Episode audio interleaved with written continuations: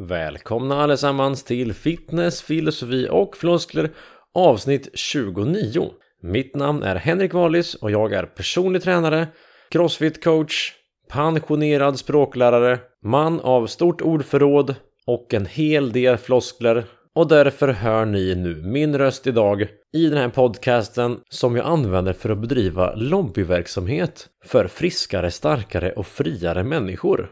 Idag är jag extra glad och det är med en viss respekt och vördnad som jag spelar in det här introt till ett avsnitt. För bortom all affärsidé det kan vara att driva en podcast som låter mig skapa en plattform kring egen verksamhet och allting så är podcast också ett sätt för mig att träffa människor.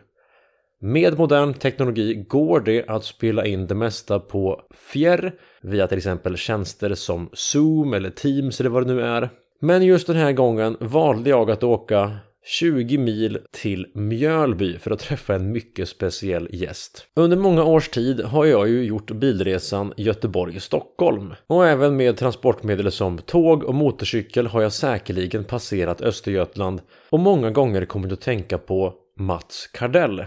Mats Kardell, dagens gäst, var nämligen Sveriges första bodybuildingproffs. Och jag hörde först hans namn när jag var sådär 27-28 år, bodde i Uddevalla, var ordförande för en styrkelyftsklubb och ägnade mig åt antidopingverksamhet. I mitt föreningsliv i mitt Uddevalla där jag då också jobbade som gymnasielärare.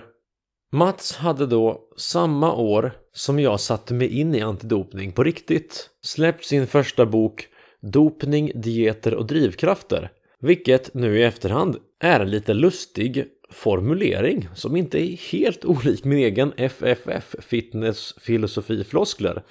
Utan här då var det Mats egen DDD, dopning, dieter och drivkrafter. Efter att ha läst berättelsen om hur galten från Mjölby kunde bygga upp Sveriges bästa fysik fyra år i rad och sen gå från att vara VM-tvåa i bodybuilding till att bli parkbänkspundare i Tranås. Till att sen, efter ett långt och trasigt missbruk och tre års hemlöshet kunna ta sig själv till att år 2008 bli nykter och sedan förbli under 15 års tid en frisk, stark man som väljer att göra rätt för sig och dessutom berätta om sin historia ofiltrerat så att andra kan lära av det och skänka bort sin tid till allt från dopingjouren till bokläsare som jag och nu då även ett hemma hos-besök i Mats soffa i Mjölby en november eftermiddag 2023. Så det är här nu med ödmjukhet, respekt och vördnad som jag kan presentera det här samtalet. Och jag är jätteglad att Mats svarade på ett Facebook-meddelande och en vänförfrågan och sedan var öppen att släppa in mig i sitt hem. Det här var första gången under min podcast-host intervjuargärning som jag hade väldigt svårt att gå efter mina anteckningar. Jag fann mig själv överförberedd med massa frågor men allt med att Mats egna ord tilläts vandra så såg jag det hända i realtid hur han svarade på många av mina frågor före jag ens ställt dem. Och det är också en väldigt särskild sits att sitta och samtala med en person som berättar om sitt liv som är ett liv bortom vad jag i min privilegierade, trygga, ordningsamma tillvaro liksom kan förmå mig förstå. Jag blev tagen på sängen, för det var så många saker jag inte visste om i vilket illa skick Mats kunde vara. Och det är också fascinerande hur en man kan vara så svår att döda. Han har fan mig överlevt allting. Han är still standing efter år av att utsätta sin kropp för hård träning, hårt dopingbruk och sen rätt in i narkotikan och alkoholens dödsgrepp. Ni kommer få höra historier om dopning, dieter och drivkraft, om hur det är att vara amfetamintorsk eller kröka på allt ifrån handsprit till teröd, hur det är att lägga in sig själv på motsvarande rehabklinik för alkoholmissbruk och ängsligheten, svårigheten med att ta sig ut i vanliga stora livet igen. Hur det är att växa upp som ADHD-ig pojke med en hel del ångest och myror i brallan på en tid före begrepp som ADHD och annat egentligen fanns. Samtalet blev uppemot timmen och jag fick bita mig i tungan för att inte ställa alla följdfrågor jag ville. Så kanske det helt enkelt blir en round 2 någon gång. Med det sagt så välkomnar vi in Mats Kardell för dagens samtal. Välkomna till Fitness, filosofi och floskler. Din podcast om träning och den ädla konsten att leva och vara frisk. Med er värd, Henrik Valis. Då så gott folk. Välkomna tillbaka till Fitness, filosofi och floskler The Podcast med mig Henrik Wallis. Idag har jag en gäst som är Sveriges första bodybuildingproffs, fyrfaldig svensk mästare och med silverpeng på Mr Universe i bodybuilding. Från VM 2 till att bli parkbänkspundare. Till att sen vara nykter från och med 2008 och hjälpa många andra på vägen. Bland annat via engagemang på Dopingjouren. Med smeknamnet Galten från Mjölby gjorde han sig känd hos allt från gymentusiaster till vårdpersonal till socialtjänst och poliser. Författare till två böcker, varav den nya boken Dopad, mitt liv som bodybuildingmästare, som nu släpptes i år. Jag är väldigt stolt att få bjudas in till hans hem i Mjölby. Mats Kardell, välkommen! Välkommen hit till eh, Mjölby och Duvelund, heter det här stället. Vad är Duvelund för ett ställe? Det är en, en, en, en gammal prästgård som har funnits här sedan 1700-talet och som, som, som eh, sen är det huset rivet, men grunden är från 1700-talet. Flyglarna är från, från 1700-talet. Och du bor alltså här och kör lite konferens och uthyrning av en gammal 1700-talskåk? Ja, det här är ju ett, ett, ett, ett, ett, ett ställe som, de hette Mats och Eva-Lena förut, som, som jag fick chansen att, att hyra det här, den här, de ägde den här gården förut då va. Men sen sålde de gården till ett företag som heter Artex. Och de eh, har den här gården då till konferens, till eh, övernattningar då, eh, när det kommer konsulter och, och så vidare va. På tisdag till exempel så, så har, är det 14 lunchgäster som kommer hit och lite sånt där. Och den här gården måste ju skötas av en hustomte eller en husvärd eller vad man säger då. Va? En husbodybuilder? Ja, kan man säga också då. Va? Eh, klippa gräs, se till att det är fixat, ta emot bokningarna för det här. Eh, fixa till det, städa av lite grann så det är snyggt och prydligt. Att det finns rena lakan och sånt här då. Eh, ett riktigt bra jobb faktiskt. Och även privatpersoner kan bo här? Eh, om de eh, smörar för mig lite grann så går det nog att fixa. Ja. Men vi ska ju idag främst prata om eh, ditt liv som eh, dopad och bodybuildingmästare tänker jag. Ja.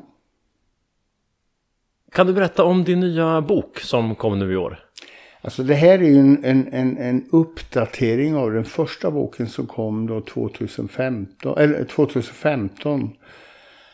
Eh, så finns ju eh, alltid en, en eh, boken skulle göras för den amerikanska marknaden på engelska. Och det var ju helt naturligt att det var en bok även på svenska. Och då bytte vi namnet för doping, dieter och drivkrafter som var på den första boken slog inte så, så väl. Utan mitt liv som bodybuildingmästare slår lite mera då, i, i, låter lite mer spännande då för, för, för jänkarna då. Så då bytte vi namn på det. Men det är alltså en liten uppföljning av mitt liv. Så hela den boken från 2015 finns med. Och sen så är det nya kapitel då på slutet. Okej. Okay. Mm. För jag läste ju den första boken 2015. Mm. Jag var 27-28 år. Jag bodde i Uddevalla. Jag höll på med styrkelyft, föreningsliv, engagerade mig i antidopingrörelsen. Mm. Och stötte på ditt namn i någon artikel där, kan det ha varit på 100% ren hårdträning. Nämnde din bok. Jag läste den och jag var helt tagen. Men eh, jag förstår också att boken som bygger på ditt liv var en vild berg och dalbana. Ja, ja men det är klart, det är klart det är en vild berg och dalbana. Men från början, tanken att eh, skriva den här boken var ju lite grann, när jag kom tillbaks i livet så, så behövde jag på något sätt förklara för mina barn kanske att eh, det var egentligen inte den här vägen jag ville då, hamna på parkbänken och allt det här. Utan, utan det är för att de skulle få en förståelse och för att även då lite terapi för mig att få ut alla de här demonerna på något sätt som jag burit på, de här hemligheterna då va. Och sen hade jag sån tur så jag träffade då Katarina. Hon gjorde ett, ett, ett, en, en, en porträttskrivare eller spökskrivare som man säger eh, och frilansjournalist då. Eh, hon var här och skrev ett reportage för den här, en tidskrift som heter Narco om doping. Och när jag läste det här sen efteråt så var det så jäkla bra skrivet. Det var som jag själv hade skrivit det. Det stämde så här och det var ju att hon är utbildad porträttskrivare. Mm. Och, och, och, skriver precis som jag pratar, precis som jag säger då. Va? Din röst framgick jättebra i första boken. Mm. Och lite kuriosa är att eh, jag har försökt tugga igenom en ganska tung filosofibok de senaste veckorna. Mm. Det är tungt. När jag tar upp den nya boken så går det jättelätt att läsa. Mm. Mm. Jag gillar vad jag läser so far. Mm. Det är ett enkelt språk helt enkelt är det ju på något sätt. Men som ditt gamla liv var en berg och dalbana så är det ju kanske nu eh, rena farfars bilar så som du lever. kan du försöka att summera hur du idag är 63? Ja, jag är 64. 64 år. Mm. 64 år ung, nykter och stark och ganska frisk. Mm. Som författar böcker och jobbar här. Det har inte alltid varit så. Nej, det har det inte. Ehm, jag har ju varit en, en, en, en orolig själ i mitt liv. Va? Dels så växte jag upp på 60-talet med, med, med ADHD, vilket inte fanns på 60-talet. Eh, ingen visste hur man skulle, de sa bara att det var myror i ändan. då va. Skolan tvingade morsan och farsan att ta med mig till, till en doktor för att se vid flera tillfällen, säkert fem gånger, vad det var som var fel på mig då. Om jag inte, ja, varför jag snubblade, varför jag inte hängde med, varför jag inte, ja, varför jag var så störande då. Och det var ju myror i ändan. Och skolans sätt att hantera det här, det var ju att sätta mig i en tom sal. Liksom va. Mm. Och det är klart som på, på, på, på, en liten pajas i första klass. Det är spännande och, och man vill komma hem med de här skapliga betygen och, och, och bli bekräftad av mor och far. Att åh vad duktig du är i skolan. Det här fick jag aldrig höra va. För att jag var ju inte bra i skolan. Jag satt ju mest i den här tomma, tomma skolsalen. Mm. Eh, och det är klart att det planteras en, en, en, en, en liten ärta av utanförskap och uh, att inte kunna det. Man börjar tvivla på sig själv och, och, och sådär va. På Wikipedia Mats så står det att du är kroppsbyggare. Ja. Hur kunde den här ADHD-pojken på 60-talet bli kroppsbyggare och inte vilken kroppsbyggare som helst? Sveriges första bodybuilding-proffs. Ja, men alltså det här, det här det är, ju, det är ju egentligen en tråd genom hela livet. Först tappar man bort sin självkänsla då när man sitter i den här tomma, tomma salen. Sen gror det här utanförskapet upp i skallen då, som planteras redan i första klass. Tvivlet på sig själv och sådär va. Ehm, och sedan då så, så någonstans så all min energi gick åt till att liksom dölja det här kaoset som fanns i min kropp hela tiden. Va? Utveckla sig till, till, till, till ångest när man kom upp i, i, i fjärde, femte, sjätte klass. En tomhet i kroppen så här. Va? Ungefär som att någonting fattades. Sen så hittar man då spriten lite grann. Så ung? Ja, alltså i sjunde klass då. Eh, så hittar man den då va. Då tog du bort det här, den här ångesten och då, då fastnade jag och det eskalerade ganska fort då med, med, med sprit tidigt då va. Men så hittade jag till slut det här med träningen. Och kände att jag fick, alltså, vart stimulerad av det på något sätt. Och, och um, läste naturligtvis att alkohol inte skulle vara bra för kroppen då va. Så med mycket möda så, så, så la jag ner spriten då i, i ungdomsåren där. Och så, så började jag träna och, och, och märkte att jag fick bort ångesten om jag tränade tillräckligt hårt. Då. Eh, och var styrd väldigt tidigt av, av träningen då. Sex dagar i veckan liksom.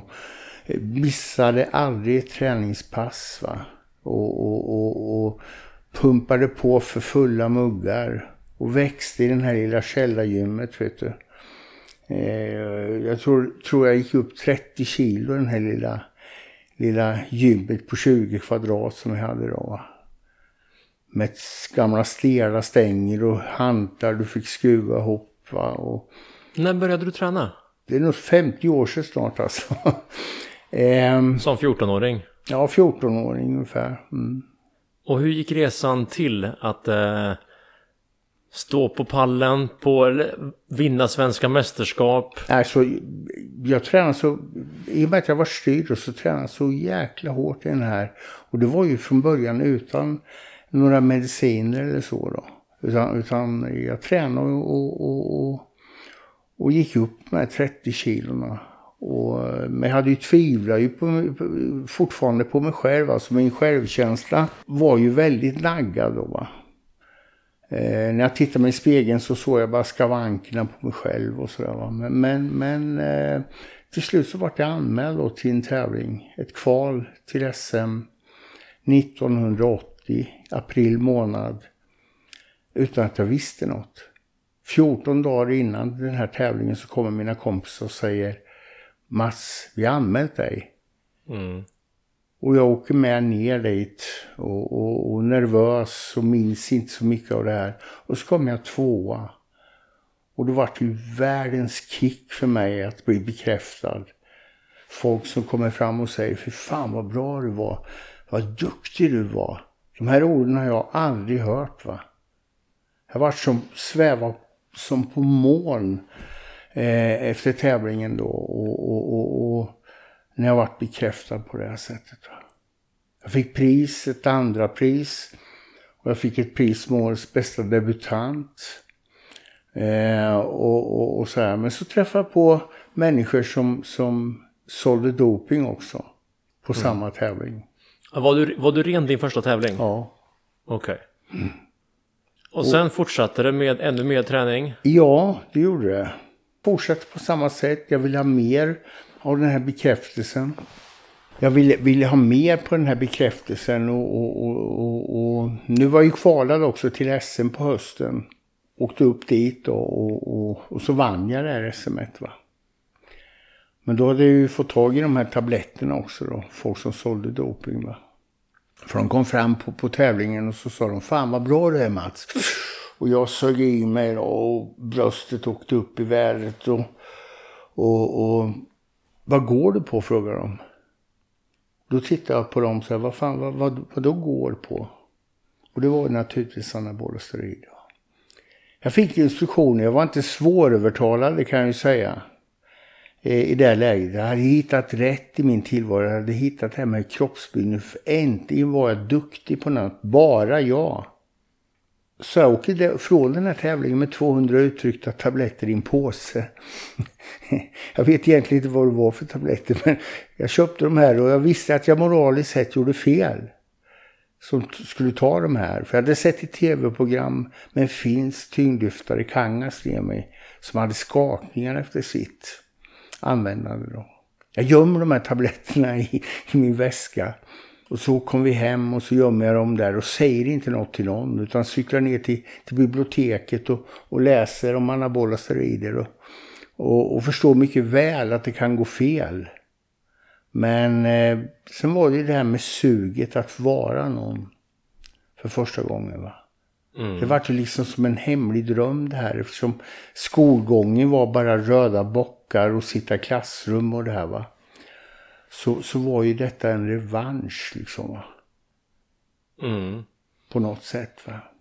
Och jag tänker att det här samtalet kan nog bli dels att jag som ren från steroider med 20 år på gymmet bodybuilding-entusiast faktiskt få träffa en bodybuilding-legend. Jag vill nog absolut höra gamla rövarhistorier. Och jag är också väldigt nyfiken på den humana bilden. Alltså människan bakom det här. För det är, jag kan ju förstå drivkrafterna. Hur det mm. var att få bekräftelse sent mm. i livet. Ja. Jag brukar ofta lite skämtsamt säga att leta upp en riktigt osäker person och jag visar dig en som kan bli riktigt bra på fitness. Mm. Och där har ju du nog större djup att berätta än många andra. Jo, men alltså det här med, med, med att tappa bort sin självkänsla. Alltså, man bygger upp hela sig själv. Det gör man de första åren i livet. Från det att man föds upp till tonåren ungefär. Eh, har du för många tvivel på dig själv under den här tiden Alltså du blir inte bekräftad att du är duktig på saker och ting. Jag menar, jag klandrar inte mina föräldrar till exempel så när jag kom hem med mina betyg då, för att de kunde ju inte ljuga mig rätt upp i ansiktet och säga att det var bra betyg va. Och, och, eh, utan de, de bara slätade över det här på något sätt va. Ehm, så, så, så, så, att eh, det här bär man ju med sig sen i livet. Den här dåliga självkänslan. Om det blir naggad för mycket i början så bär man med sig den hela livet sen. Va? Jag har, har dålig självkänsla. Jag har bra självkänsla idag. Eh, och, och, och, vet att folk tycker om mig för den jag är och så vidare. Va? Men, men, men det var länge, länge, länge som jag trodde att alla tyckte om mig bara för mina stora axlar och mina stora biceps och där va. Kunde inte förstå att någon skulle kunna tycka om mig bara för Mats liksom va. Utan jag burit på denna jäkla och det var det här som förde in mig sen även på, på, på missbruk och sånt där. Mm. Ska vi ta och summera bodybuilding-åren och sen så kan vi gå in på de mörka åren med missbruk efter och sen hur du tog dig clean. Du har varit nykter nu i 15 år. 15 lite mer. Mm. Ja. Vad hände sen då? Du vann din... Eh, du kom tvåa i en kvaltävling. Du fick med dig 200 tabletter av något suspekt preparat. Ja. Och vad hände sen? Ja, men sen var den här rulliansen igång liksom. Jag sökte ju det här. Jag märkte att jag var bra på, jag var en jävel på det här jag gjorde också. Eh, jag satt upp, jag vann SM sen på hösten fick åka på mitt första eh, Europamästerskap med stora eh, landslaget. Då, Uffe Bengtsson, vet du, Christer Eriksson, Renato Somens. De här, vet du. Det var så jävla stort. Va? Bonläppen från Mjölby. Och så åker vi ner till Brygge i Belgien. Och, och så kom jag sexa och gick till final där. va. Och, och, och när jag kommer hem därifrån så, så helt plötsligt är man någon va. Det står om en i tidningen så här. Det var revanschen, wow. Jag satte upp mig på, på mer tävlingar. Det, var ju då, det här var ju slutet på, på november tror jag. Som EM gick. Sen då så, eh, 81 där så var jag ju senior. Då fick jag ju kvala igen då. Mera tabletter, toleransen höjdes, man matade i sig ännu mer. Vann de här kvalen då, kval till SM minus 90 vann jag. Kval till Europamästerskapen igen minus 90 och vann bägge de här och kommer sexa igen i London då. Eh, på, på EM, stora EM då. Sen var rulliansen igång. Sen var det, sen var det ungefär som du satte på dig en kupa så här va. Inget negativt att säga. Jag hade hittat rätt i min tillvaro. Jag började tjäna de första pengarna genom att göra eh, seminarier om träning och, och, och kost och lite sånt där va. Och, och, samtidigt då så, så eh, vart det mer och mer steroider och mera mediciner och man, vart, man fick mer info från, från, från kunnigt folk. Eh, vilka mediciner som ger, ger mest muskler och så här va. Och sen så hade man de här titlarna. Ja, gömde, gömde sig då bakom en brunbränd kropp och ett vitt le, vit, vit smile. Eh, sådär va. Ja. Jag minns eh, två anekdoter från boken om din tid som eh, byggare. Det var någon anekdot om att, eh, men det var ju kanske före bodybuilding fick ett dåligt rykte. Före kanske allmänheten blev lika insatt i den mörka smutsiga baksidan. Mm. Att det var lite mer folkligt.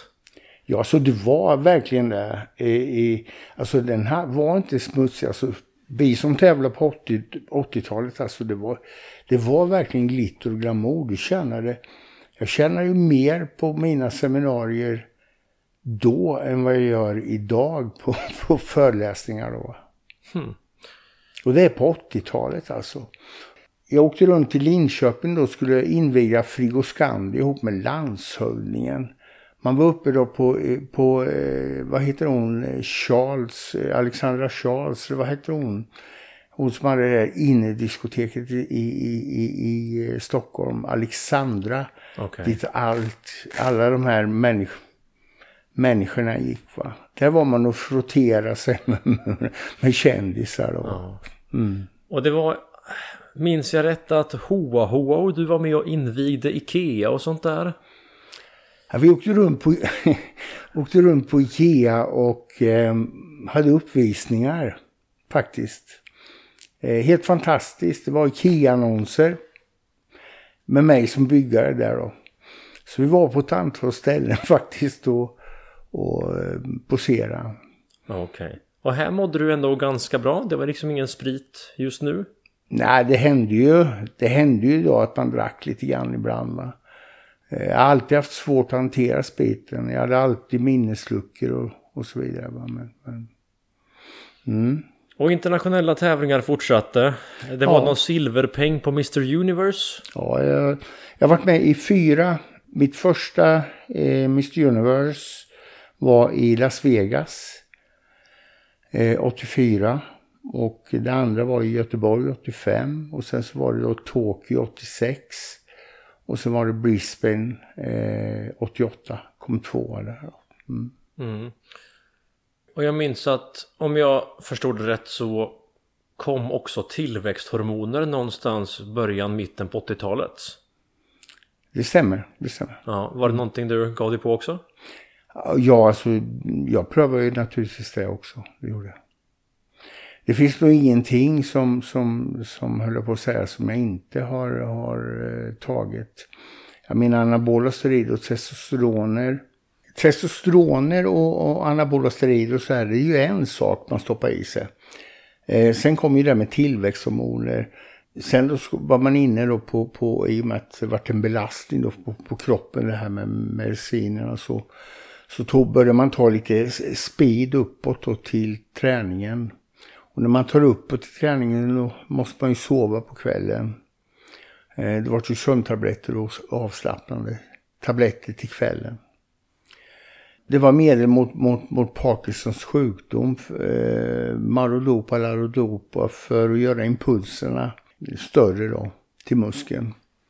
Insuliner, eh, fast du inte var sockersjuk. Eh, sköldkörtelhormoner. Eh, Levaxin, Tyroxin, Tyranon och de här sakerna. Ja, till och med veterinärsaker då.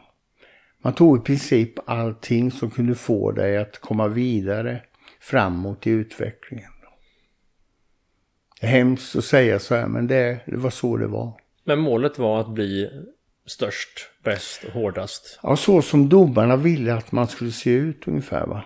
Det var ju, mm, eh, ja, man ser ju då på byggningen har ju utvecklats idag. Idag är de hiskligt stora.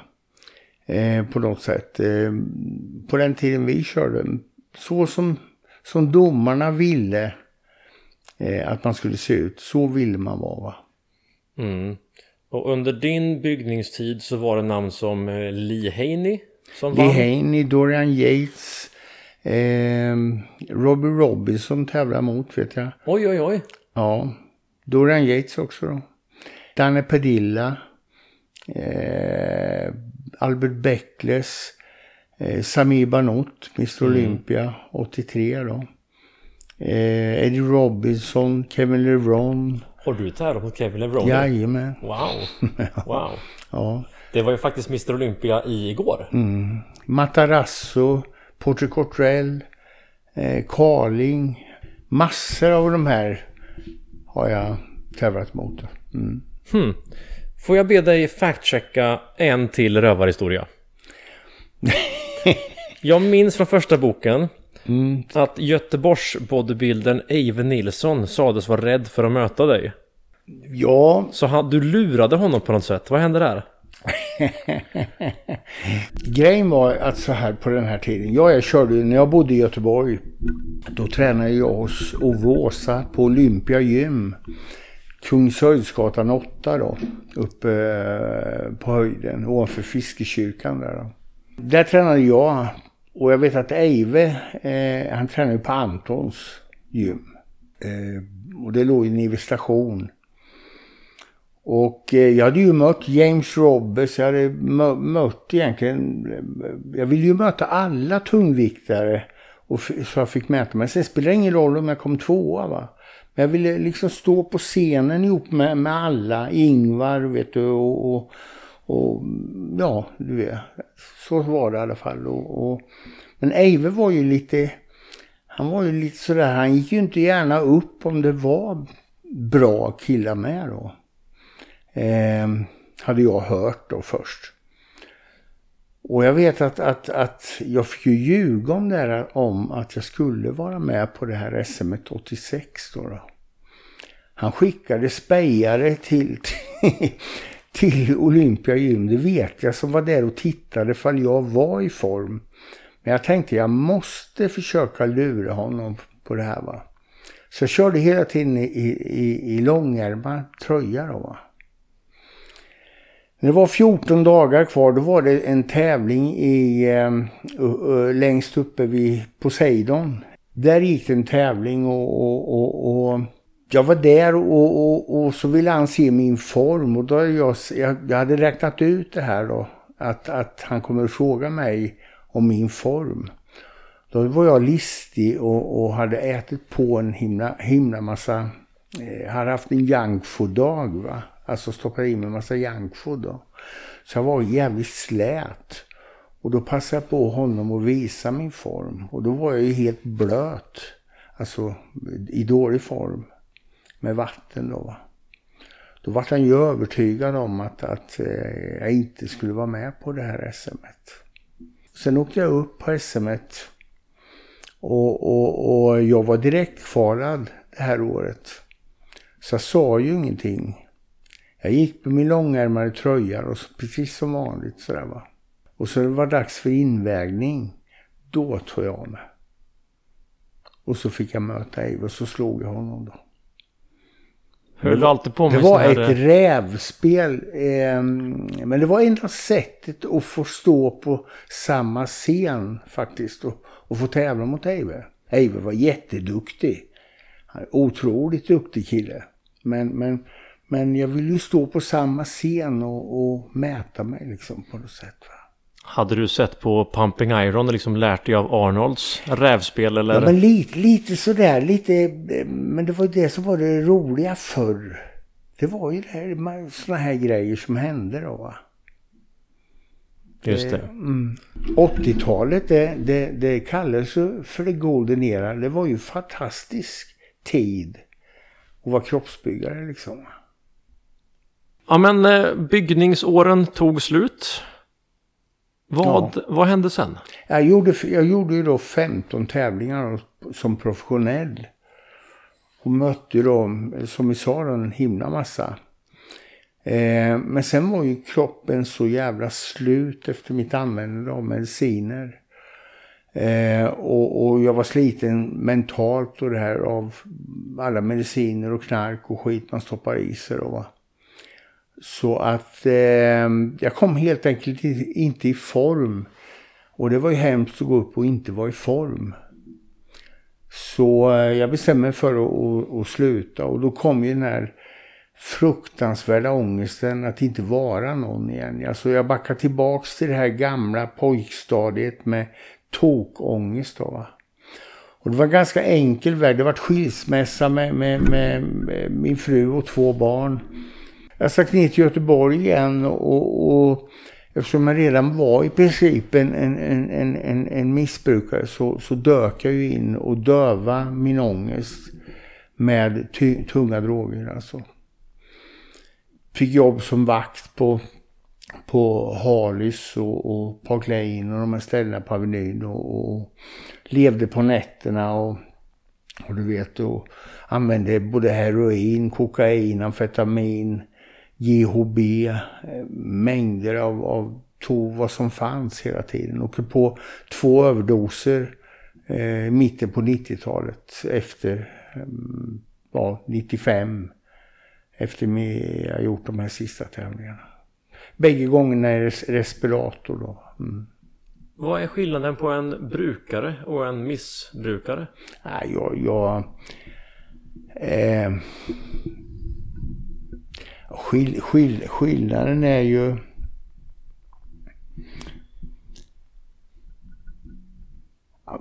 Vad ska man säga?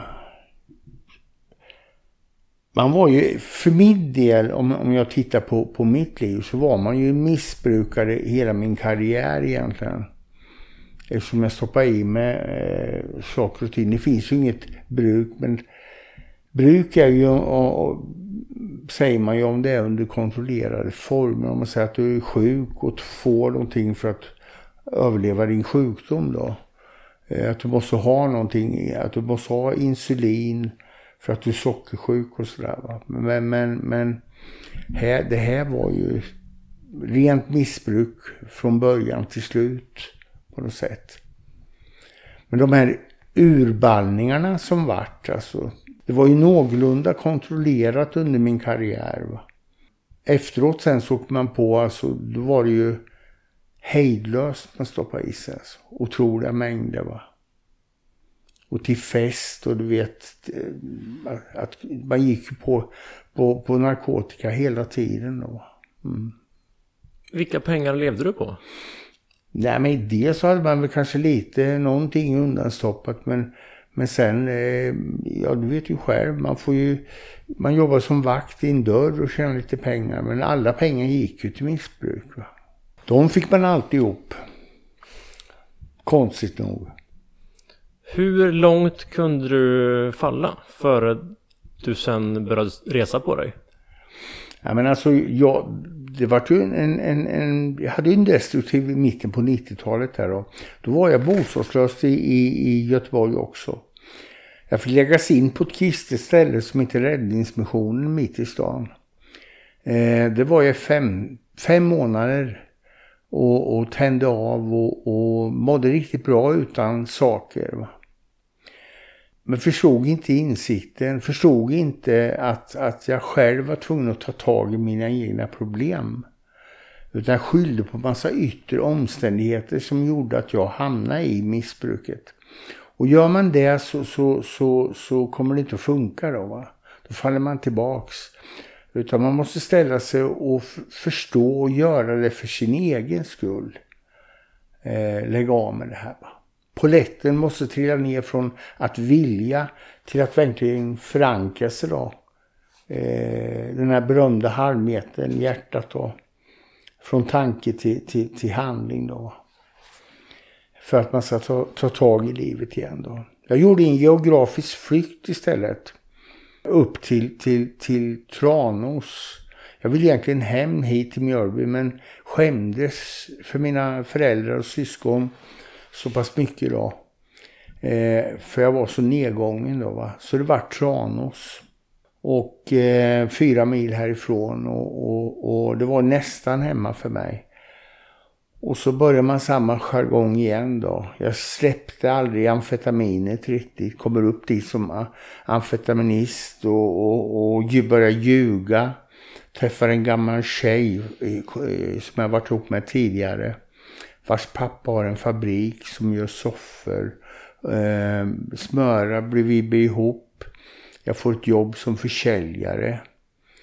Eh, åker runt med en ny V70 till Mio, Svenska Hem och de här ställena.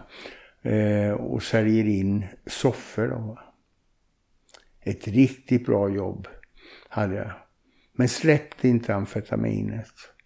Efter några år där så, så kommer det ofrånkomliga eh, att fem poliser och två hundar ringer på dörren. Och jag är inblandad i en razzia.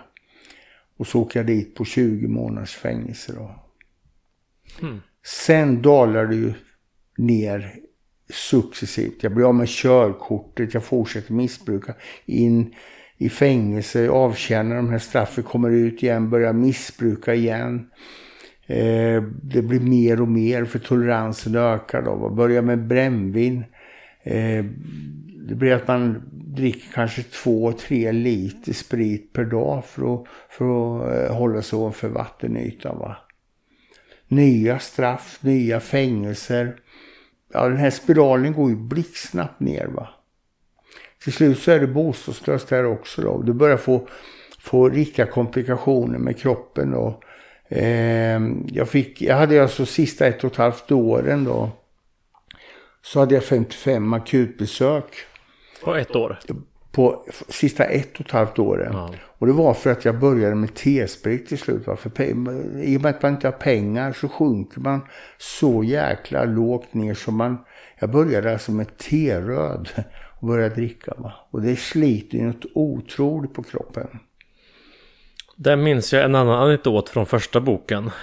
När du berättar att eh, man kunde kröka för på handspriten.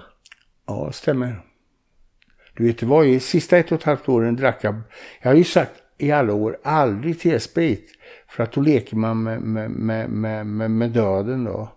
Eh, man stoppar i sig det där då. Men, men jag hamnade där till slut själv då. Och, och sen vart det ju bara då T-sprit, handsprit, eh, Dags 85. 85 procent vet du. Sådana jävla geléer. Det, det gick jag och drack det här jävla skiten. Men det här var ändå ett bättre alternativ resonerade du då än liksom all ångest du kände? Jag, jag, jag, var så alkoholiserad så jag hade inte kunnat sluta då. Jag brukar säga att man är alkoholist i tre stadier. Du vet den här fina alkoholisten som dricker varje, har jobb och, och hem och allt det här va. Sen har du den arbetslöse som, som börjar dricka på dagarna också då. Eh, och sen så kommer man då till tredje stadiet. Då blir man fysiskt beroende av alkohol. Du måste ha sprit för att du ska funka som människa. Lägger du av för tvärt då, då dör du av, av eh, pumpen. Du får hjärtinfarkt alltså. Det går alltså inte att sluta själv då. Och jag var ju i det stadiet eh, då, då. Så att jag vet, ingenting fungerar. Man skiter på sig, bara pissar ner sig. Man, man, man ligger i, rännstenen, man, man sover i trappuppgångar. Jagar ursinnigt efter den här jävla alkoholen vet du, för att hålla sig, för att hålla ångesten borta då. Hur kunde du bli clean? Alltså, jag åkte in och ut på de här jävla, jag hade ju proppar, jag hade lungproppar, djupningsproppar, hur många som helst. Vi hade blödningar i skallen. Min, min magmun sprack, sket blod, eh, pissade blod, spydde blod. HB't sjönk. Så fick jag göra blodtransfusioner en gång i veckan då. Och då träffade jag en läkare som hette Göran en, en, en eh, stor mörk kille då va. Han såg människan i mig och försökte varje gång jag kom in och skulle då eh, göra blodtransfusioner så såg han ändå människan i mig. Eh, försökte tala mig till rätta på något sätt och så vidare va. Men eh, jag lyssnade inte på det utan jag fortsatte ju dricka som vanligt va. Toleransen då, min, min promille den höjdes ju hela tiden. Jag vet att jag kunde vakna dagen efter på Eksjö lasarett för det där jag hamnade då hel, hela tiden. Eh, fem mil ifrån från Tranås eh, hamnade man jämt då. Och då vet jag att jag hade som mest 5,2 i promille dagen efter vet du. Men den här gången när poletten trillade ner för mig, det var när jag vaknade upp, två sköterskor kom in, jag blåste 4,56 i promille. De sticker iväg. Och då kommer han Göran, min hjälte då. Eller han den här killen som, som såg ändå människan i mig. Och då öppnar han dörren och då var han helt annorlunda. Han hade panik och säger så här, det går inte längre Mats. Jag har ringt din mamma Per och Dagny och sagt att du lever inte månaden ut. Och de där orden Och hans panik i hans ögon gjorde att poletten till slut trillade ner för mig. jag förstod att, att det var allvar han menade. Då. Så att därifrån, det var inte mina barn, det var inte mina föräldrar, utan det var Göran, den här läkaren, som fick min polett att trilla ner. Va? Jag var ju tvungen att ha hjälp. Jag fick ju fortsätta dricka. Men jag fick en plats till slut på, på ett behandlingshem. Och så var det manlig då, eh, sjuksköterska som, som åkte med mig upp till Filipstad. Och så in på avgiftningen där då. Och jag låg på den där jävla avgiftningen. Eh, först med vak i en vecka vet du. Det var så här nära hela tiden. Det hängde på liv och död hela tiden. Då, va? Eh, och sen när de hade fått den här balansen på det hela så tog det alltså en månad till att trappa ur det här ur kroppen. Va? Och eh, efter det så var det ungefär som jag hade vatten i skallen. Va? Eh, och, så här, men, och sen så gick det då kanske en månad till och då kommer känslorna va. Hur var de? Nej, de, fruktansvärt alltså. Det var ju tur att min polett hade trillat ner. Jag ville ta tillbaks livet. Och det fick kosta vad fan det ville va. Och det var tur att jag redan var inne i, på den här behandlingen uppe i, i Filipstad. För, för att den klacksparken som kommer när du fattar vad du har gjort är så fruktansvärt. Och det första man tänker på är ju mina barn då. Det var faktiskt det första. Mina föräldrar, mina syskon, med mitt anseende, med min karriär, mot byggningen. Eh, ingenstans att bo, inget körkort, två kassar med kläder kvar bara. Va? Och, och så här, va? Men, men eh, jag stannade på det här stället i, i, i, ett års tid och lärde mig det här med känslor och, och, och, och erkände för mig själv att jag var alkoholist och narkoman och, och, och vågade prata om det. Förstod att det var fler än jag som hade varit, varit, varit ute för samma grej så att säga. Jag var inte ensam på hela världen. Utan det är många som har gått den här vägen. Och nu är vi någonstans 2008. Mm. Och vad hände sen? Hur, vilka steg hade du för att integreras i ett vanligt liv? Och vad gjorde att du inte föll tillbaka igen? Först och främst så, så, så stanna kvar på det här stället i ett års tid. För att, att det här med, med de här fallgroparna, att inte ha för brått ut. Att jag jobbat så mycket med mig själv så jag kände att jag hade lite kött på benen när jag kom ut. Va? Efter ett år så, så, så kom jag ut därifrån och hade lärt mig lite grann det här med att man måste ha ett helt känsloregister. Man kan inte bara må bra, bra, bra, bra hela tiden. Man måste må lite skit ibland också. Få lite balans i det hela. Inte bota bort och springa från en känsla. Att eh, ta emot den känslan som är. Då försvinner den mycket snabbare. Att inte vara rädd för den. Eh, en skitdag. Idag sätter jag mig på sängen och tycker fan, fan vad bra att det är en skitdag. Det är det som gör mig leva, levande. När den släpper och, och jag mår bra igen så känner jag skillnaden va? på något sätt. Förstår du hur jag menar? Mm. Mm. Annars kan man ju bara vara lyckopillerglad va. Gå på samma nivå hela tiden och det är inget roligt det heller utan det måste ju finnas tårar och, och ibland med också va. Det är ju det här som gör det levande på något sätt va. Jag gjorde en utsluss ifrån stället. Så att eh, för att kasta mig ut i samhället igen utan utan att eh, på något sätt ha ett stöd, det är ju en fallgrop alltså. Att backa tillbaks för att man har många gånger liksom allting klart för sig inne på en institution eller fängelse. Men när man kommer ut och möter världen så är det en kall, hård och jävlig värld. Då är det lätt att man tar till då någonting. Och du är riktigt ensam. Väldigt ensam är man. Du har ingenstans att bo riktigt och det här va. Och det här garderar jag mig mot va. Eh, gjorde stegvis utslussning. Eh, till Tranås igen. Eh, men sen började, när jag hade släppt då Filipstad, så började det kännas lite obekvämt igen va. Eh, då ringer Kenny Isaksson och Karina Isaksson, vet du vilka de är? Mm. Eh, Västerås, Alex eh, Danielsson och de här. Då ringer de och säger att kom upp till Västerås. Så jag åkte upp dit, bodde i Västerås, bodde med det här gänget. Jobbade för Kenny Isaksson eh, på ett byföretag han hade i ett års tid. Fick en egen lägenhet. Och, och var kvar där ett helt år i Västerås. De såg inte ner på mig ett jävla skit utan, utan och snackade ingenting. Utan de, jag var gamla Mats ungefär för dem va. Och efter ett år där uppe så, så hade jag ännu mer kött på benen.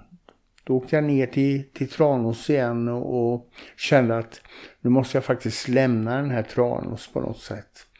Men nu gör jag det med flaggan i topp. Inte som en loser, full och galen. Utan nu är jag nykter då va. Och då fick jag chansen att komma hit. Fick jobb på träningsstudion. Här. Och fick chansen att hyra det här stället då. Den här flygen jag bor i då. Mm. Så så hamnade jag. Sen började den här långa, långa färden upp. Inte av för brott. Utan långsamt, långsamt ta körkort igen. Sätta sig igen på en körskola och skriva om. Och, och liksom ha tålamod va. Och sådär va. Så att eh, vi har fått göra det. Börja liksom ta tag med, med barnen och det här fick man göra också. Och det började med redan på behandlingen. Att skicka mess och där och, och försöka få kontakt med ungarna igen va. Och, och lite sånt där va. Hur var det att lära din hjärna och inte ha kickar hela tiden? Att inte medicinera? Nej men alltså, alltså det, det, jag gör ju kickar på annat sätt. Tycker jag då. Eh, jag har ju fortfarande drivet i mig till exempel med hinderbanan jag har här. Jag jobbar på gymmet. Och så kommer det in en, en, en, en, en tjej. Och så säger frågor om mig. Skulle du Mats kunna köra lite militära övningar på en möhippa för min kompis. Vi är ett antal tjejer. Ja visst, sa jag.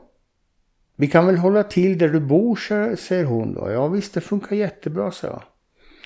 Och så gick jag ut i hagen och så klippte jag lite, jag skulle klippa en fyrkant där ute i den här hagen. Och så såg jag att det var jävligt bra gräs och så tänkte jag, fan här kan jag göra en hinderbana. Och så gick jag in till ägarna här och så frågade jag, får jag använda hagen? Ja visst. Och så åkte jag till företag och så sa jag till dem så här att har du lust att sponsra ett hinder till mig, materialet, så sätter jag ihop det här hindret. Så får du hänga din skylt. Så om det ett företag heter då som plåtmodul då, då sponsrar de mig med, med material. Så hänger jag deras skylt på hindret så kommer det heta alltid plåtmodell. Mm. På så sätt fick jag ihop hela det här stället. Och det är en av mina mantran, ett av mina, en av mina floskler med att skapa mer än du konsumerar. Mm. När vi gör någonting som för oss själva eller för andra människor framåt. Alltså att bygga en hinderbana mm. för att hjälpa, ja, men, oavsett om det är lokalbefolkning eller möhippa eller sig själv. Mm. måste vara ganska bra med lite praktiskt hantverk, komma ur hjärnan. Ja. Ja. ja. Det var en jättefin hinderbana.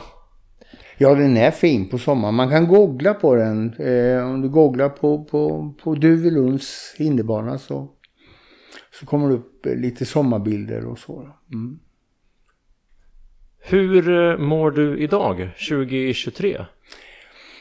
Rent, rent re, mentalt så mår jag bra och, och, i min nykterhet mår jag jättebra. Givetvis så har ju kroppen tagit stryk av, av, av allting som jag stoppat i mig. Och, och jag menar, jag har ju opererat bort knölar ur brösten och sånt där. Eh, jag fick ju då en remiss till Sahlgrenska sjukhuset. Tord Rosén heter han. Endokrinläkare som har gått igenom kroppen invärtes. En njure var borta. Eh, då har jag bara en. Och jag ordnade då de här knölarna så jag fick operera bort dem i, så uppskuren från bröstvårtan upp till armhålet. Sen är det ju med magmun och saker och sånt där. Men sen har det ju dykt upp lite andra saker då. Va? För tre år sedan så fick jag smärta i korsryggen och, och, och som gick ut i ett ben och, och hade jättesvårt att gå. Och jag åkte in då och så tog de eh, massor av röntgen då på hela kroppen. Plus ryggmärgsprover och sånt där. Och då hittade de en inflammation då i, i, i spinalgången eller ryggmärgen eller vad sjutton de hittade. Och var inne då på att det skulle vara en, en, en, en sjukdom som heter Guillain-Barrés syndrom då. En, en neurologisk sjukdom då. Men eh, det här har bara fortsatt. Barrés, Barrés syndrom, den brukar backa efter ett tag. Man brukar återgå och få tillbaks rörelsen. Men mitt har bara fortsatt så att jag har på att utredas nu i tre år. Med röntgen, eh, nya prover. Eh, och det har bara fortsatt och jag blir successivt försvagad då, inifrån då. Jag har gått ner 15 kilo. Har gjort. Eh, och eh, de är inne då på att det skulle vara eh, MS. Eh, det är ju polyneuropati, MS. Men nu ska de även kolla då så att det inte är ALS jag har fått. Och det vore ju tråkigt om det vore ALS jag fått. Eh, men min hjärna den säger då liksom på något sätt att, att eh, försök Mats. Gör som du brukar, upp på fötterna, åk och vinterbada, träna tre dagar i veckan, sköt gården, sköt hinderbanan, åk och föreläs. Och sånt där, va? Så jag fortsätter ju ändå och gör det jag kan då. Sen kan inte jag köra ett tungt benpass idag med 250 kilo på stången. Det kan jag inte göra. Men jag kan köra en knäböj i smitten, det kan jag göra fortfarande. Mm. Eller en benpress eller så va. Men eh, jag känner ju sakta, sakta att det, det sprider sig lite grann den här, den här, mm, alltså att jag, jag försvagas i musklerna på något sätt va. Man hör även ibland att jag kanske sluddrar för att tungan går ju på nervsystemet eller centrala nervsystemet också. Och då sluddrar man då lite grann. Mm. Men kan du liksom hålla isär mental hälsa och fysisk hälsa? Kan du må bra själsligt? Ja, men jag, jag töt. Alltså, jag känner så här, jag är inte dugg förvånad på sånt jag, jag, jag tycker så här, jag, jag har ett jävla bra mindset liksom att se på saker och ting och det säger ju alla. Och det säger mängder av folk här i stan. Hur fan kan du vara så jävla glad? Du har liksom tappat kontakten då, eller inte fått träffa flickan. Eh, sen jag varit nykter har jag inte fått göra va. Dottern? Nej, dottern har inte velat det va. Det är tunga bitar va. Eh, pappa pappa gick bort och det ena med det andra. Vet jag träffade en tjej som inte var schysst. Hon var ute med, med massa andra under hela tiden vi var tillsammans då. Ganska jobbiga bitar. Ändå kan jag se det positiva i det mesta va. Och så sker det här då med, med, med sjukdomen också va. Jag ser det som en utmaning. Min, min hjärna vill utmana det på något sätt. Jag tror att det går att fixa vissa grejer med schysst mat, schysst tänk i huvudet. Fan, det, jag kan göra massa saker ändå. Fast jag har den här sjukdomen. Mm. Ja, ditt mod, din acceptans och din vilja att röra dig framåt trots hur jävla ont mm. den gör. Det motståndet du måste ha mött till slut, 2008 och framåt. Mm. Det är någonting du måste gått enormt stärkt ur. Ja, men ja, egentligen så här har man ju gått igenom allting. Vet, jag, hade, jag kan berätta det. Jag gick i två veckor här, en, en sån här typisk grej som jag var med om. Jag fick för mycket röda och jag fick för mycket vita blodkroppar för, för, för, för fyra veckor sedan. Så jag får åka ner och det är ju typisk sjukdom då för blodcancer. Va? Och jag går in på 1177 efter jag varit där och ser då att avvikande blodprov står det. På, på, lutar åt att det skulle vara då en, en primär eh, sån här blodcancer då. Och så står det så här att eh, man bör komma under behandling mellan 6 månader till, till, till 18 månader. Annars åker man med. Va? Det såg också att jag hade fått, de hade upptäckt det här, den här redan i slutet på, på, på, på vintern som var då. Och då, då, då, då, jag menar, först och främst är det ju jävligt magstarkt att läsa det här. Då borde jag ringt mig och sagt, det handlar om en blodcancer för fan. Mm. Men det gör de inte. Jag får läsa det här att... Och så går det då två veckor då. Och, eh, för jag ska skicka en remiss då till, till, till, till US i Linköping. Då.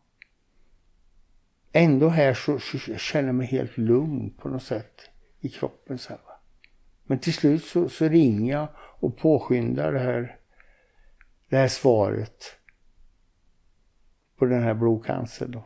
Och sa, det är ju dags att ni gör något nu för att snart har det gått ett år sedan ni upptäckte den här blodcancern. Och då är jag ju borta snart. va. Då ringde läkaren. Mm. Mm fortfarande positiv i alla fall på något sätt. Va? Du är en svår jävel att döda, så mycket förstår jag.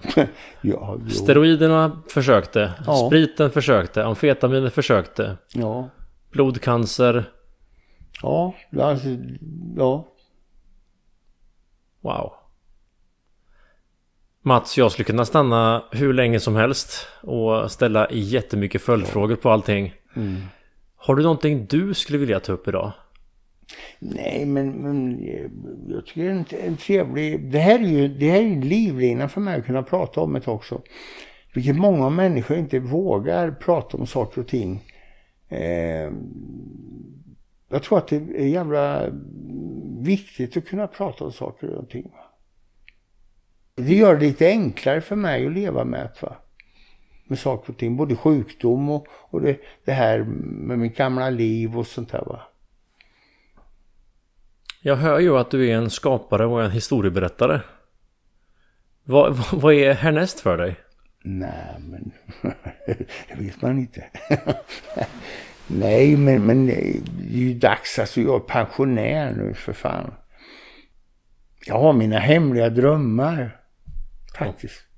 Har jag. Jag skulle naturligtvis vilja... Vet, vet du? Jag är en svår jäkel att leva med svår förstå. att döda, svår att leva med. Ja, men jag kan tänka mig, jag är inte elak på något sätt, men jag har ju mina, eh, mitt sätt att starta dagen på och så här va. Och, och ehm, men att, att hitta en livskamrat skulle vara jävligt, ärligt talat alltså. Sitta själv, eh, jag tror att man skulle kanske bo på, på separata boenden va? Men, men att en liv, livskamrat skulle vara eh, det är det målet jag har. Någon som gillar vinterbada, någon som, eh, ja du vet. Mm.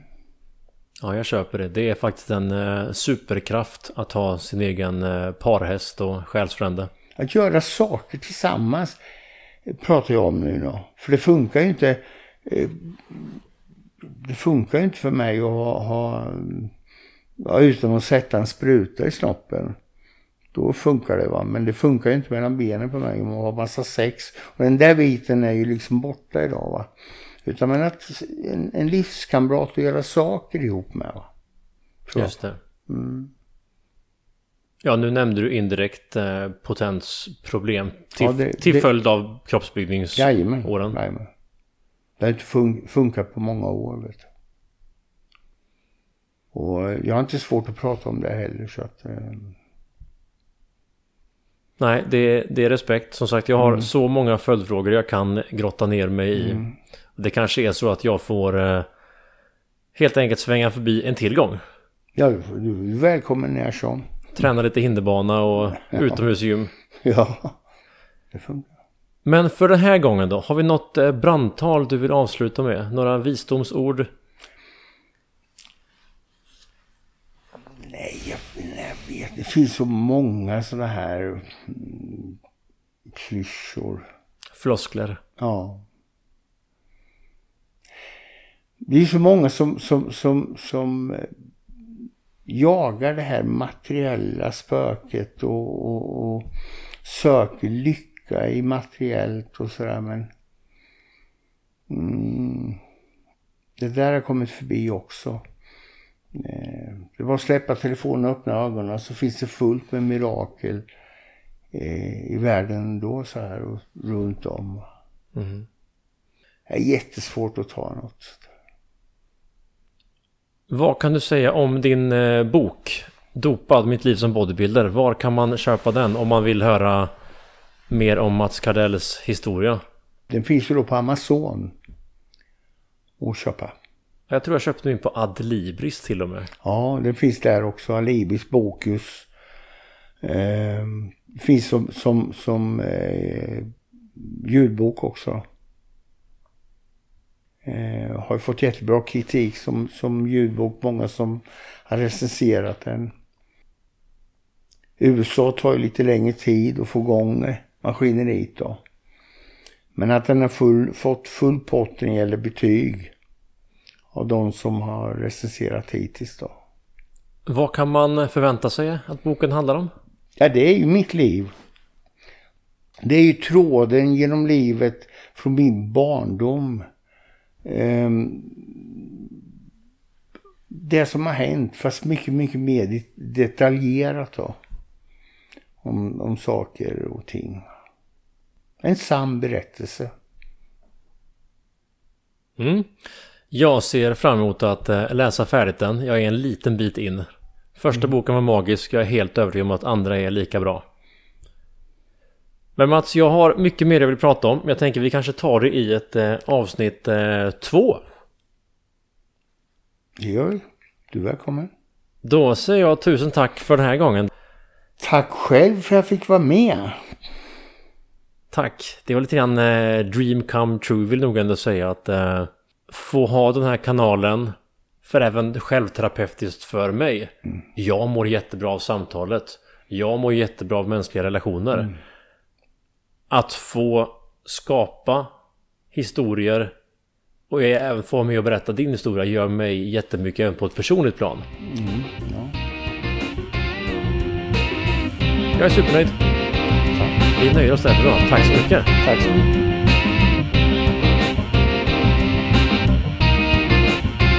Och där var samtalet slut för den här gången. Mats har faktiskt från dag ett varit en sån gäst som jag bara sagt Fuck yeah, honom vill jag ha i podden. Så när jag har dragit upp Excel spreadsheets och idéstormat var han med ända sedan början.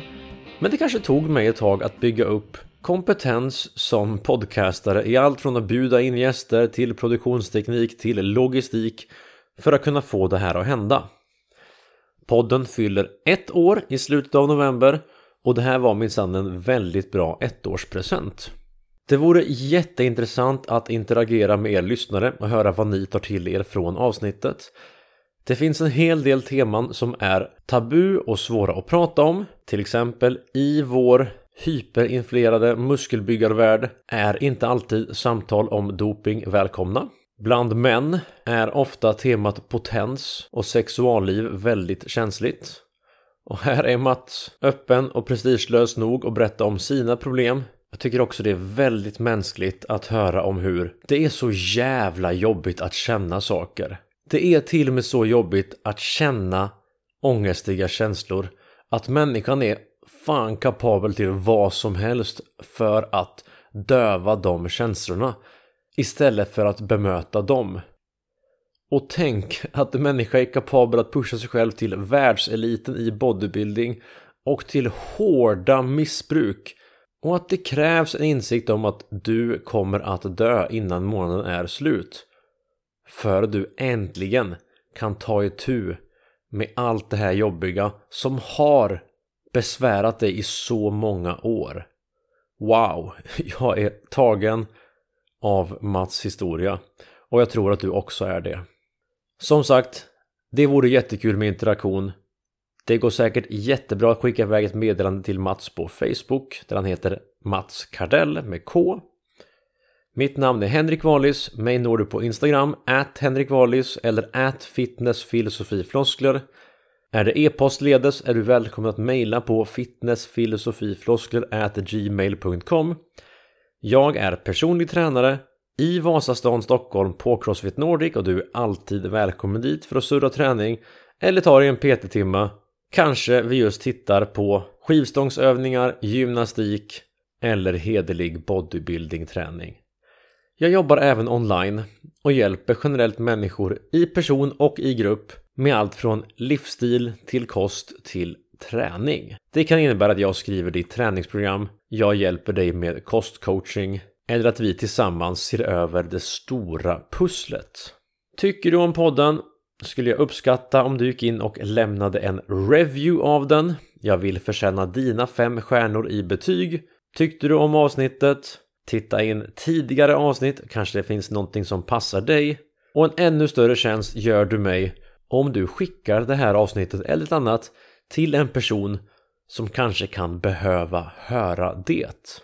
Jag förstår att min publik är främst människor som redan är frälsta av träning och inte behöver så mycket mer motivation för att få den gjord. Men det stora orosmomentet är ju en allt växande ohälsosam svensk population som allt från att kallar riktig jävla mat för dietande och clean eating som kallar 4-5 plus gånger i veckan träning för extremt. Och som tycker att det är hurtigt att cykla till jobbet. För vi har liksom bara anammat en inaktiv livsstil av att vara inomhus stillasittande konsumerandes. Motsatsen till friska, starka och fria. Och det är just det budskapet jag vill få ut här i podden. End of rant. Hoppas du haft en bra timmes lyssning. Mitt namn är Henrik Wallis, a.k.a. coach Henrik. Och med det sagt säger vi avsnittet slut, coach Henrik out. Ha det bra så ses vi igen om en vecka. Nytt avsnitt, samma gamla floskler. Ta hand om dig.